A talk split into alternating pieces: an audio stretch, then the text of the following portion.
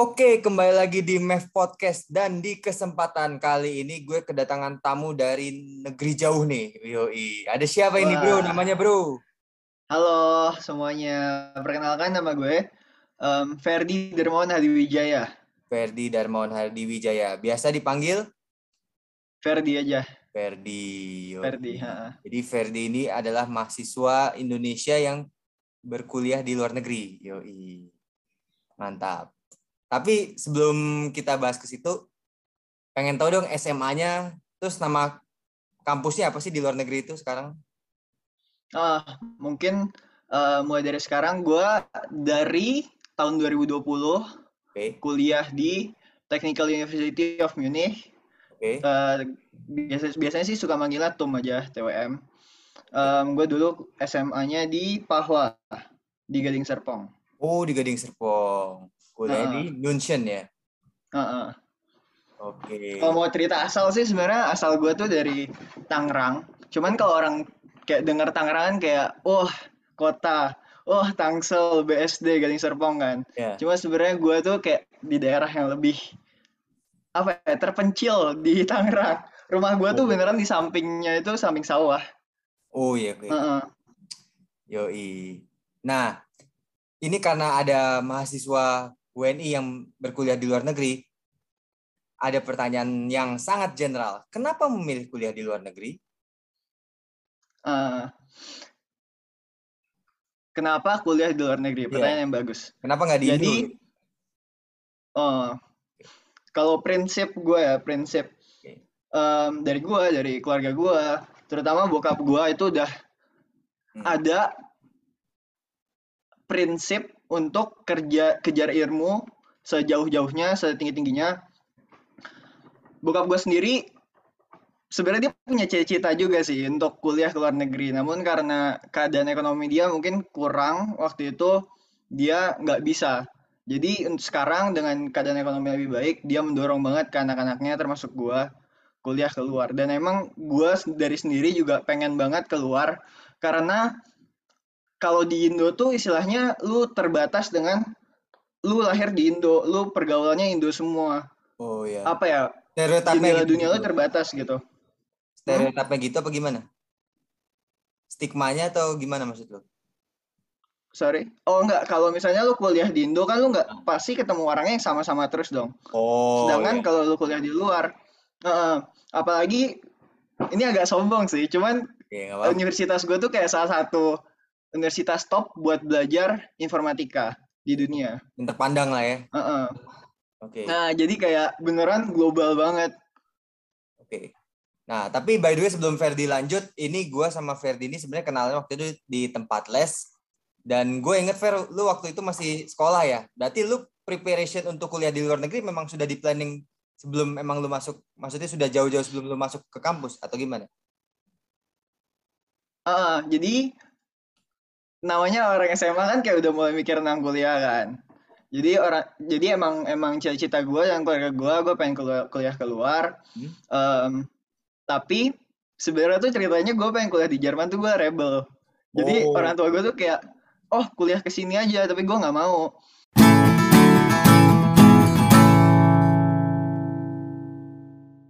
Terus kalau untuk daily life-nya gimana di sana Fer? Karena kan pasti beda banget dong dengan di Indonesia. Makannya, akomodasinya. Tapi lu di sana maksudnya kalau kayak asrama gitu bayar apa dibayarin sih sebenarnya? Karena seju- sejujurnya gue belum ada bayangan sebenarnya untuk mahasiswa di luar negeri itu seperti apa. Em, em, mungkin gue sekalian kayak cerita singkat kuliah Ya. di Jerman gimana kali ya proses Jadi atau ini untuk para pendengar podcast yang mau berkuliah di luar negeri di Jerman, ini ada tips dari ini Ferdi jadi sudah tahu ada gambarannya lah. Iya, iya. Jadi em, utamanya ada ada dua apa ya dua jalur orang Indo yang kayak mau kuliah di Jerman. Hmm. Satu kalau misalnya lo sekolahnya kayak A level atau IB itu lo cuman perlu eh, tes bahasa DSH terus bisa langsung kuliah. Oke. Cuman untuk kaum kaum rakyat seperti gua dan kita semua Paket ya eh, rakyat jelata em, setelah lulus UN, setelah lulus sekolah, SMA segala macam, itu em, lu kalau sudah punya kemampuan bahasa, tes di Gute, B1 atau B2 itu bisa daftar untuk yang namanya uh, Aufnahmeprüfung dari Student College. Student College ini adalah kayak sekolah-sekolah yang mempersiapkan atau penyetaraan ke universitas di Jerman. Jadi kalau misalnya lu udah udah ambil penyetaraan ini, penyetaraan ini selama setahun atau enam bulan, lu baru bisa kuliah gitu. Okay. Um, jadi di sini tuh kebanyakan sistem apa ya tinggalnya tuh mandiri. Jadi kayak nggak ada tuh namanya nih dikasih asrama, nih dijemput nggak ada. Gue beneran pergi ke Jerman tuh berdua sama lo kalau ingat Vincent Iya, yeah, bareng lu gak sih waktu ya, uh, jadi kita pergi ya. berdua sama uh, gue sama Vincent sampai di bandara kayak ya udah kita bingung kan berdua gitu. Nah, uh, um, terus untuk tempat tinggal ya lo harus cari cari sendiri dari sebelum sampai Jerman lo udah coba cari. Hmm. Um, enaknya sih di beberapa kota di Jerman kan banyak orang Indo ya. Yeah. Jadi mungkin lo bisa kontak, um, eh minta tempat tinggal segala macam. Cuma waktu itu kayak gue nggak nggak melakukan itu sih. Oke. Okay. Um, sampai sekarang pun gue nggak dapet dorm. Oh. Jadi sebenarnya kebanyakan orang tuh pengen dorm, tapi susah. Jadi karena kuliah di Jerman gratis, karena kayak beneran gratis. Dia tuh ada katanya kayak um, ada kerjasamanya juga mungkin ya sama Indonesia kali ya? Kenapa? Ada kerjasamanya juga dengan Indonesia kali? Oh enggak, jadi emang di Jerman tuh karena negaranya lumayan sosial demokrat ya. Oke. Okay. Jadi uh, jadi mereka tuh menggratiskan kuliah yang dari pemerintah, istilahnya kayak yang setara sama UI sama kayak apa itu gratis semua. Tapi emang kualitasnya bagus dan um, banyak gitu. Uh -uh. Contohnya universitas gue TOM, gue hmm. cuma membayar kayak 200-an per semester sebenarnya nggak gratis beneran cuman dibandingkan dengan kuliah-kuliah lain kayak bahkan hampir gratis lah ya per semester berapa gitu oh iya benar-benar hampir gratis lah ya kan uh, hampir gratis lah ya. gitu. tapi Fer nih uh, kampus lu kalau digambarkan di Indonesia mirip-mirip lebih ke up kayak university atau institut teknologi nih jatuhnya kan beda tuh ada sekolah tinggi kalau di sini kan ada sekolah tinggi ada institut teknologi, ada university kayak UI kan mencakup semua. Kalau kayak institut teknologi kan teknik spesifik. Nah, kalau di lu gimana tuh? Um, universitas gua ya, universitas gua tuh jatuhnya ke mungkin antara institut teknologi dan universitas kali. Soalnya oh. karena fokus dia adalah teknik, tapi nggak hanya teknik. Jadi kayak ada um, mungkin ada yang biologi, ada yang kayak manajemen segala macam gitu. Jadi kayak perpaduan antara dua-duanya menurut gue. Mix lah ya. Oke. Okay. Hmm. Nah, Fair balik lagi nih. Lu tadi udah sounding soal uh, bahasa. Lu kan sebenarnya sudah punya apa persiapan untuk bahasa Jerman segala macam. Tapi ketika lu tiba di Jermannya itu sempat ada mengalami kendala bahasa juga nggak atau langsung udah benar-benar siap? Gimana? Wah, gimana ya? pertama kali sih perasaan gue ya mungkin ini agak exaggerated ya cuman atau kayak... ternyata pas lu belajar kok ternyata agak sedikit beda nih dengan prakteknya gimana nih kalau dari Ferdi gimana yang pasti untuk beberapa saat seenggaknya buat gue tuh merasa kayak kucing sama anjing sih kalau ngobrol kalau ngomong pasti masih ada uh, kesulitan terus tergantung dari uh, teman bahasanya atau kayak lawan uh, pembicaranya. Mereka sadar bahwa kita mungkin gimana bahasanya. Kalau misalnya mereka kayak ya udah nyerocos. Mungkin lu belum tentu bisa. Contohnya gue pernah tinggal bareng orang Jerman.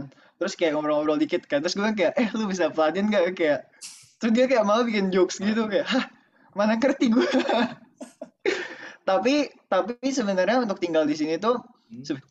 sebenarnya udah udah jauh lebih cukup kayak menurut gue kemampuan B2 um, levelnya tuh ada kayak dari A1, A2, B1, B2, C segala macam ya. B1, B2 tuh yang kira-kira kayak udah cukup. Jadi kemampuan gue juga udah lebih dari B1, B2. Cuman kembali lagi mirip kayak misalnya kalau ngebayangin orang bule belajar bahasa Indonesia. Oke. Orang bule kalau belajar bahasa Indonesia kan kayak ya mungkin dia bisa ngomong kayak aku, yeah. makan apa gitu. Cuman nggak kayak orang Indonesia yang kayak nyerocos, apalagi nyerocosnya cepet banget kan. Hmm. Orang Jerman juga banyak yang kayak nyerocosnya cepet banget, terus pakai uh, slang gitu-gitu loh. Oh iya benar-benar. Hmm. Karena kalau slang pun juga pakemnya nggak terlalu banyak diajarkan di Indonesia kan pastinya. Slang-slang itu kan harus tahu dari Pasti, ya. Nah, Nah, terus lu kan di Munchen ya, Fer ya? Sempat tinggal berapa waktu Ah. di luar kota selain Munchen di Jerman juga atau tetap stay dari kemarin? Ya, di jadi- aja. Jadi ta- yang tadi gua sebutkan itu Ah. em, ada yang namanya student collect atau penyetaraan. Yes. Penyetarannya tuh selama satu tahun kan. Hmm. Jadi gue satu tahun tuh di em Karlsruhe nama kotanya. Oke. Keren juga ya. Dari 2019 Septemberan sampai em 2020 em, Aprilan eh enggak Ag- Agustusan gitu. Berarti Terus lu sejak September Hmm? sekarang semester berapa sih? Hitungannya? Tiga. ya? semester 3. Jadi eh, tiga dari enam. Oke. Jadi total total kuliah kalau untuk orang Indonesia itu totalnya 4 tahun juga. Hmm. Tapi satu tahun penyetaraan, tiga tahun kuliah gitu. Oh. Heeh, Oke, begitu. Nah, tadi kan lu udah mention soal adaptasi bahasa. Pasti selain bahasa juga yang berkaitan erat adalah budaya. Nah, lu sempat mengalami sedikit gestrek, ah, bukan gestrek ya, perbedaan budaya dari Indonesia ke di sana itu culture shock-nya seberapa besar impact-nya ke lu? Em, Atau mungkin, Mungkin- contohnya culture shock-nya kayak gimana? Mungkin kulitnya aja lah. Ah. di dalam. mungkin nggak kayak langsung kayak wah gue kangen banget Indonesia enggak mungkin lebih ke apa ya hal-hal kecil yang beda-beda gitu sih yang lu butuh waktu atau kan butuh mungkin cara ya, bercandanya atau gimana orang-orang di sana.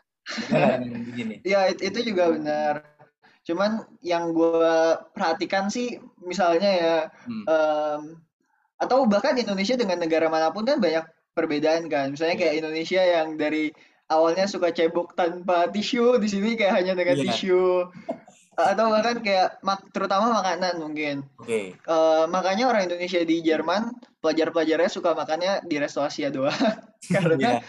makanan Jerman kurang cocok mungkin Betul, pasti. Gue aja jujur Ah. waktu ke Korea empat kali makanan-makanan ini Indonesia. Padahal cuma seminggu. astaga empat kali ke restoran. sayang banget Iya makanya. Iya, kalau di kalau di drama-drama gitu kan kelihatannya kayak wah enak banget kayak makanan Korea ya, Tapi ternyata Tapi- aslinya nggak seitu ya. gitu. Di balik itu ya, Fer ya. Iya.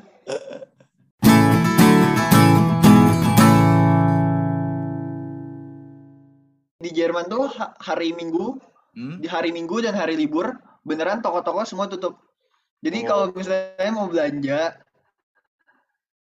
mau belanja terus eh, nggak ada makanan hari Minggu, ya Oke. lu mau nggak mau kayak beli makanan keluar, nggak bisa belanja makanan, Oke. nggak bisa belanja kayak bahan-bahan groceries gitu-gitu.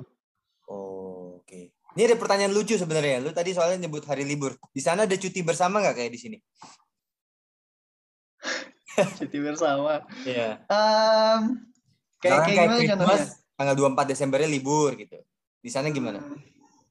Oh iya ya, pasti itu libur. Terus kebetulan tanggal hari ini tanggal hari apa? Tanggal 6 kayaknya. Tanggal 6 kemarin juga ada libur. Oh. Dari Holiday Konigen. Tapi yang menariknya di Jerman adalah Jerman kan negara federal. Hmm. Jadi eh, masing-masing em, fed kayak apa sih Bundesland. Bundesland tuh kayak semacam provinsi. Iya. eh setaranya sama Indo ya. Masing-masing Bundeslandnya itu bisa hari liburnya beda-beda. Oh, kebijakannya beda-beda ya. Jadi nggak nggak eh, mungkin ada yang nasional hari, hari libur, cuman di di masing-masing daerah bisa beda juga gitu. Ada yang model gini nggak Fer libur yang kayak tahu gue kayak di Filipina itu ada dua jenis libur. Libur yang benar-benar total nggak boleh apa hari kerja emang libur. Ada libur yang opsional kayak lu boleh libur lu boleh termasuk silakan. Ada yang kayak begitu nggak di Jerman? Se- setau- Soalnya setahu gue di Filipina Saya- mungkin gitu. Oh, libur lucu ya. hari pahlawan apa gitu. Nggak pernah di Ah. Jerman nggak ada gitu ya?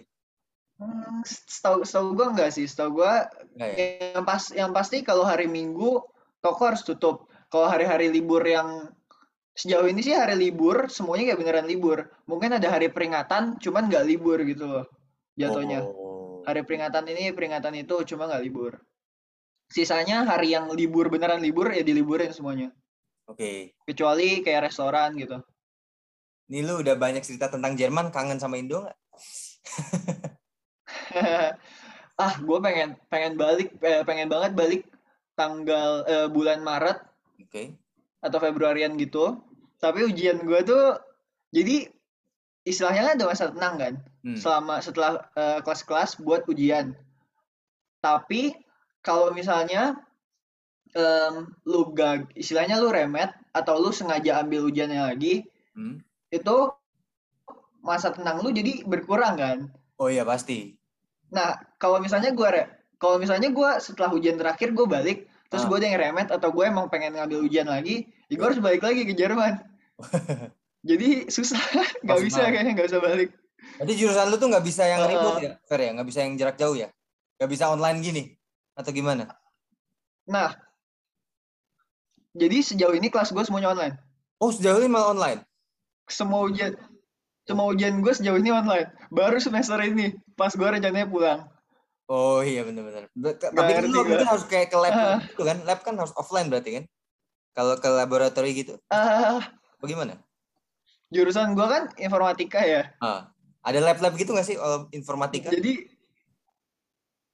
eh jadi kayak banyak yang kayak praktek-praktek, Ah. cuman kayak di komputer, jadi di rumah gitu loh.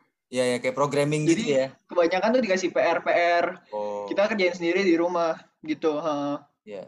Soalnya kayak misalnya di sih. kampus gua ada kayak apa komputer science tetap dia bikin apa gitu project-project di lab fisika. Oh di, di kampus Jerman nggak ada gitu ya? Ya di Ya. kampus lu maksudnya. jadi jadi bikin proyek sejauh sejauh ini sih kalau jurusan gua Hmm. online online jadi kayak ya di kalian bikin proyek terserah Oke. kalian eh, atur sendiri waktunya segala macam. Tapi jadinya online gitu loh karena emang harus ketemu. Sedangkan teman-teman gua misalnya gue tinggal bareng orang yang fisika yang elektro eh, mereka harus ke kampus kelas mereka yang offline tutornya yang offline gitu. Sedangkan gue kayak jadi nggak tahu sih cuma menurut gue em, orang-orang yang informatika di banyak-banyak kampus besar itu kayak anak pungut. Karena mereka satu angkatan aja di di universitas gua ada dua ribuan lebih Iya. jadi satu kelas tuh bisa satu pelajaran tuh bisa dua ribuan lebih Oke. dan nggak mungkin ada satu ruangan yang kayak bisa 2000 semua orang gitu apalagi corona Iya. jadi ketika mereka rencana ayo kita balikin lagi ke kampus jangan online terus itu satu ruangan ada ada profesor satu satu Hmm. ruangan ada dosennya ngomong terus ada kayak kamera Iya. diproyek proyeksiin ke ruangan lain jadi Oh, kayak kayak di film-film apa di apa yang di itu ya YouTube YouTube ya suka ada kan yang ada dosennya ngomong di layar apa tuh layar kayak infokusnya gitu ya. iya iya jadi jadi ada ada lagi gitu di Oh. ruangan lain Nah gitu eh per- permasalahan tentang beasiswa juga nih di sana itu beas untuk ke sana kalau jalur beasiswa gimana Fer caranya Fer? Karena eh, pendengaran cerita dari surroundings gua banyak banget yang pengen kuliah ke luar terutama Eropa dan salah satunya Jerman. Nah, mungkin lu mungkin bisa berbagi tips bagaimana kalau ke sana via jalur beasiswa. Ah, em, ya mungkin gue pengen mulai dengan eh, ngasih tahu bahwa gimana secara umum kuliah di Jerman atau hidup di Jerman ya. Temen gue sendiri mungkin banyak yang nggak beasiswa, tapi mereka misalnya kerja Oke. kerjanya bisa dari kerja kasar ke kerja yang lebih. Temen gue ada kerja yang kayak jaga jaga tempat judi bola. Buset. Temen gue ada yang kerja kayak pindah-pindahin barang. Jadi nggak harus beasiswa pun kadang juga bisa cukup untuk membiayai di- dirinya sendiri gitu. Jauh lebih cukup bahkan. Em, gua aja dari semester ini eh, udah mulai kerja yang software engineer gitu. Oke. Jadi selain beasiswa ada banyak cara untuk eh, membiayai dirinya sendiri gitu. Em, ada yang kayak baru enam bulan di Jerman udah langsung kerja segala macam. Hmm. Tapi ada juga teman-teman gua yang beasiswa. Em, itu tuh gimana ya? Menurut gua lu harus cukup ambis yang pasti pertama ya. Iya. Lu harus cukup ambis eh, tentang kuliah kalau pengen beasiswa karena em, dengan dengan kemungkinan kerja-kerja yang tadi hurdle-nya jadi lebih tinggi gitu Benar. hurdle-nya jauh lebih tinggi. Em, yang pasti pertama, jadi eh, yang gua tahu sih kebanyakan ada dua ya, ada dua beasiswa, Deutschland Stipendium sama DAAD. Oh, Cuman yang PAD em, tuh ya. mungkin gua kurang berpengetahuan, sorry. Yang DAAD tuh di kampus gue terkenal banget gitu, jalur beasiswa Sorry? DAAD. Jalur beasiswa DAAD terkenal di Ah iya. Ah kalau DAD tuh kalau DAD tuh dari dari Indo daftarnya. Jadi sejak di Indo eh, atau sejak jadi itu bukan Indo doang kayak semua negara ya. Hmm. Sejak di negara asal lu daftar. Nah, nanti semua biaya ditanggung kayak biaya tempat tinggal, em, biaya makanan, segala macam. Terus yang dari 200 euro juga ditanggung. Hmm. Em, kalau nah itu kebetulan gue mungkin kurang berpengetahuan di situ, cuman Hmm. mereka punya website sendiri boleh dicari daad.de. Kalau satunya lagi Deutschland Stipendium. Oh. Deutschland Stipendium itu adalah beasiswa untuk orang-orang yang lagi kuliah di Jerman pastinya ya, Iya, yang lagi kuliah. Em, temen gua beberapa daftar, lu mungkin bisa daftar dari semester 1, bisa daftar dari semester kapan pun. Em, dan persyaratannya sebenarnya bukan nilai bagus kalau yang ini. Em, nilai bagus pasti plus banget. Cuman aktif di ekskul, lu punya cita-cita yang bagus misalnya. Mungkin cita-cita gue kurang bagus, makanya gue ditolak. Gue pernah daftar, gue pernah daftar ini Deutschland Stipendium. Em, lu jelasin bagaimana kondisi lu dari Indo segala macam, eh, keadaan ekonomi lu. Em, ya, jadi ada untuk orang-orang yang mungkin emang membutuhkan dan dan lumayan ambis istilahnya antara di sisi ekskul atau di sisi kuliah bisa daftar yang Deutschland Stipendium ini. Untuk Deutschland Stipendium sendiri juga itu spesifik ke universitas. Jadi nanti setelah lu kuliah di mana, setelah penyetaran ini, lu kuliah di mana, nah baru lu cari tahu tentang eh, Deutschland Stipendium di kampusnya. Oke. Menarik, menarik ya. Jadi buat yang mau kuliah di Jerman, wah, dari penjelasan Ferdi pasti terhasut untuk kuliah di sana. Ini Gua- ada pertanyaan Gue boleh ini nggak boleh? Ah, sorry sorry. Ada pertanyaan yang gue lupa nih, harusnya ditanya di awal nih sebenarnya. Lu uh, udah sekarang kan offline ya kalau salah tadi lu bilang ya, Di online. ujiannya itu offline. Oh, offline. Itu akomodasi ke kampusnya bagaimana? Ke aksesnya apa? Transportasi umum atau naik sepeda? Gitu. Terus yang kedua pertanyaannya adalah di sana eh, pas online itu kuliahnya mostly bahasa Jerman atau mostly bahasa Inggris? Pertanyaan yang bagus. Em, kebanyakan kota-kota Jerman, terutama kota yang pelajar ya. Ba- nggak- Sebenarnya nggak kota pelajar sih, semua kota menurut gua punya public transport yang lumayan bagus di Jerman. Em, dan kalau nggak pun, lu nggak harus punya mobil gitu. Kayak kalau di Indo kan mana-mana harus motor, mobil. Kendaraan Kalau di pribadi ya? sini eh, tra- eh, public transport atau naik sepeda itu cukup buat kebanyakan hal gitu. Itu enaknya sih. Oke. Ditambah lagi di kota-kota besar tuh banyak yang kayak apa sih e-bike, e-scooter gitu. Kalau lu yang lebih hip gitu. ya. Heeh. Cuman kebanyakan gue pakai public transport sih ke mana-mana sama Oke. sepeda. Terus kalau yang kuliah Gitu. online Eh, tadi pertanyaan satunya lagi, penggunaan bahasanya Ah. kebanyakan Jerman atau Inggris? gue lebih mungkin lebih bagus kasih contoh sih. Cuman jurusan gue lumayan pengecualian ya karena informatika em, Ya. kiblatnya tuh ke ke Amerika kan, bahasa Hmm. Inggris segala macam kan. Em, semester 1 pelajaran gua Jerman semua. Oke. Semester 2 satu yang bahasa Inggris, semester sekarang juga satu bahasa Inggris.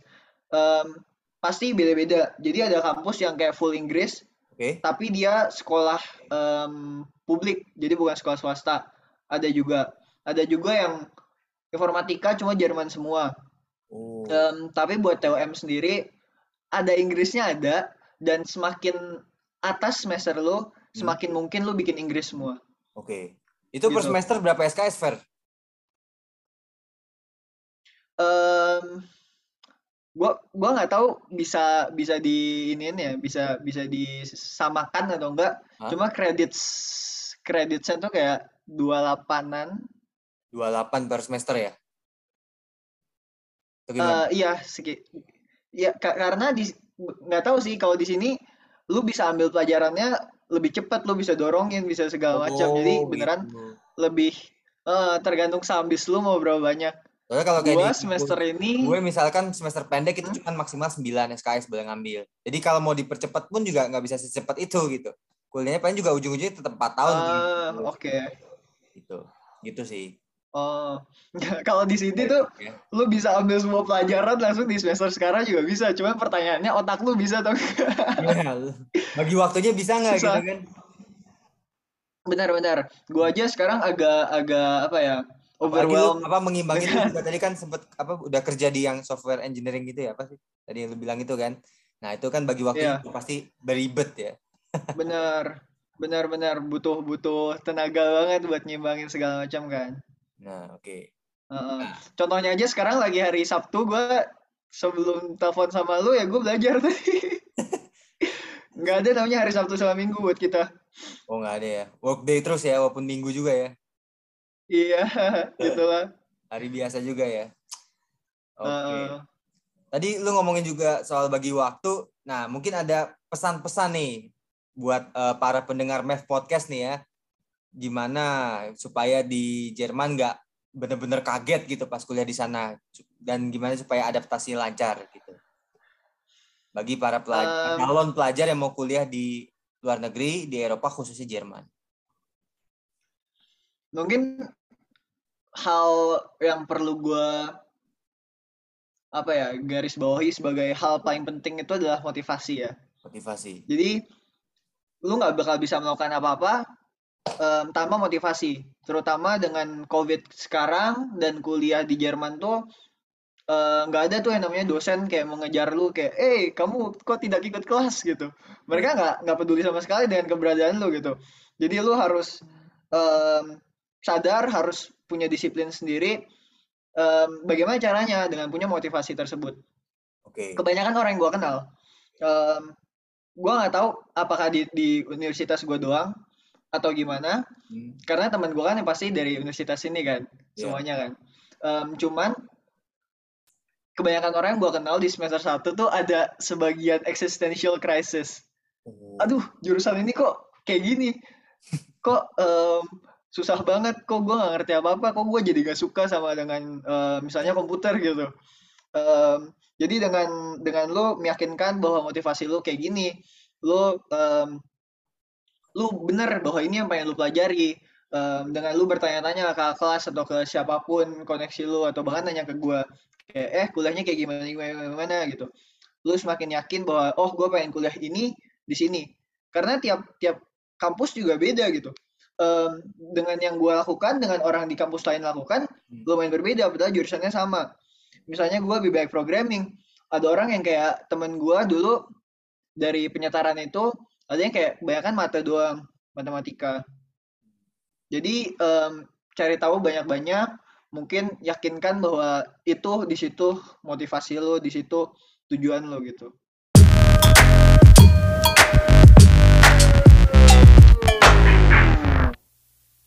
Oke Fer, ini sebelum di closing biasanya untuk masing-masing bintang tamu pasti selalu akan ada promo sosial media nih. Waduh Umumnya biasanya Instagram dan LinkedIn. Yoi. Ferdi ini apa nih nama Instagram? Waduh. Mungkin orang-orang kalau lebih ke, ke kalau mau nanya aja sih kalau mau nanya boleh ke em, Instagram gua Ferdi DH F E R D Y DH Oke. atau LinkedIn gua cari kalau LinkedIn tuh buat orang-orang yang kayak mau Ya, ya. meng-hire gue ya kalau Hmm. bisa ya. Lihat lu wah ini yang ada yang nggak nih? penting-penting jangan add-add. Iya.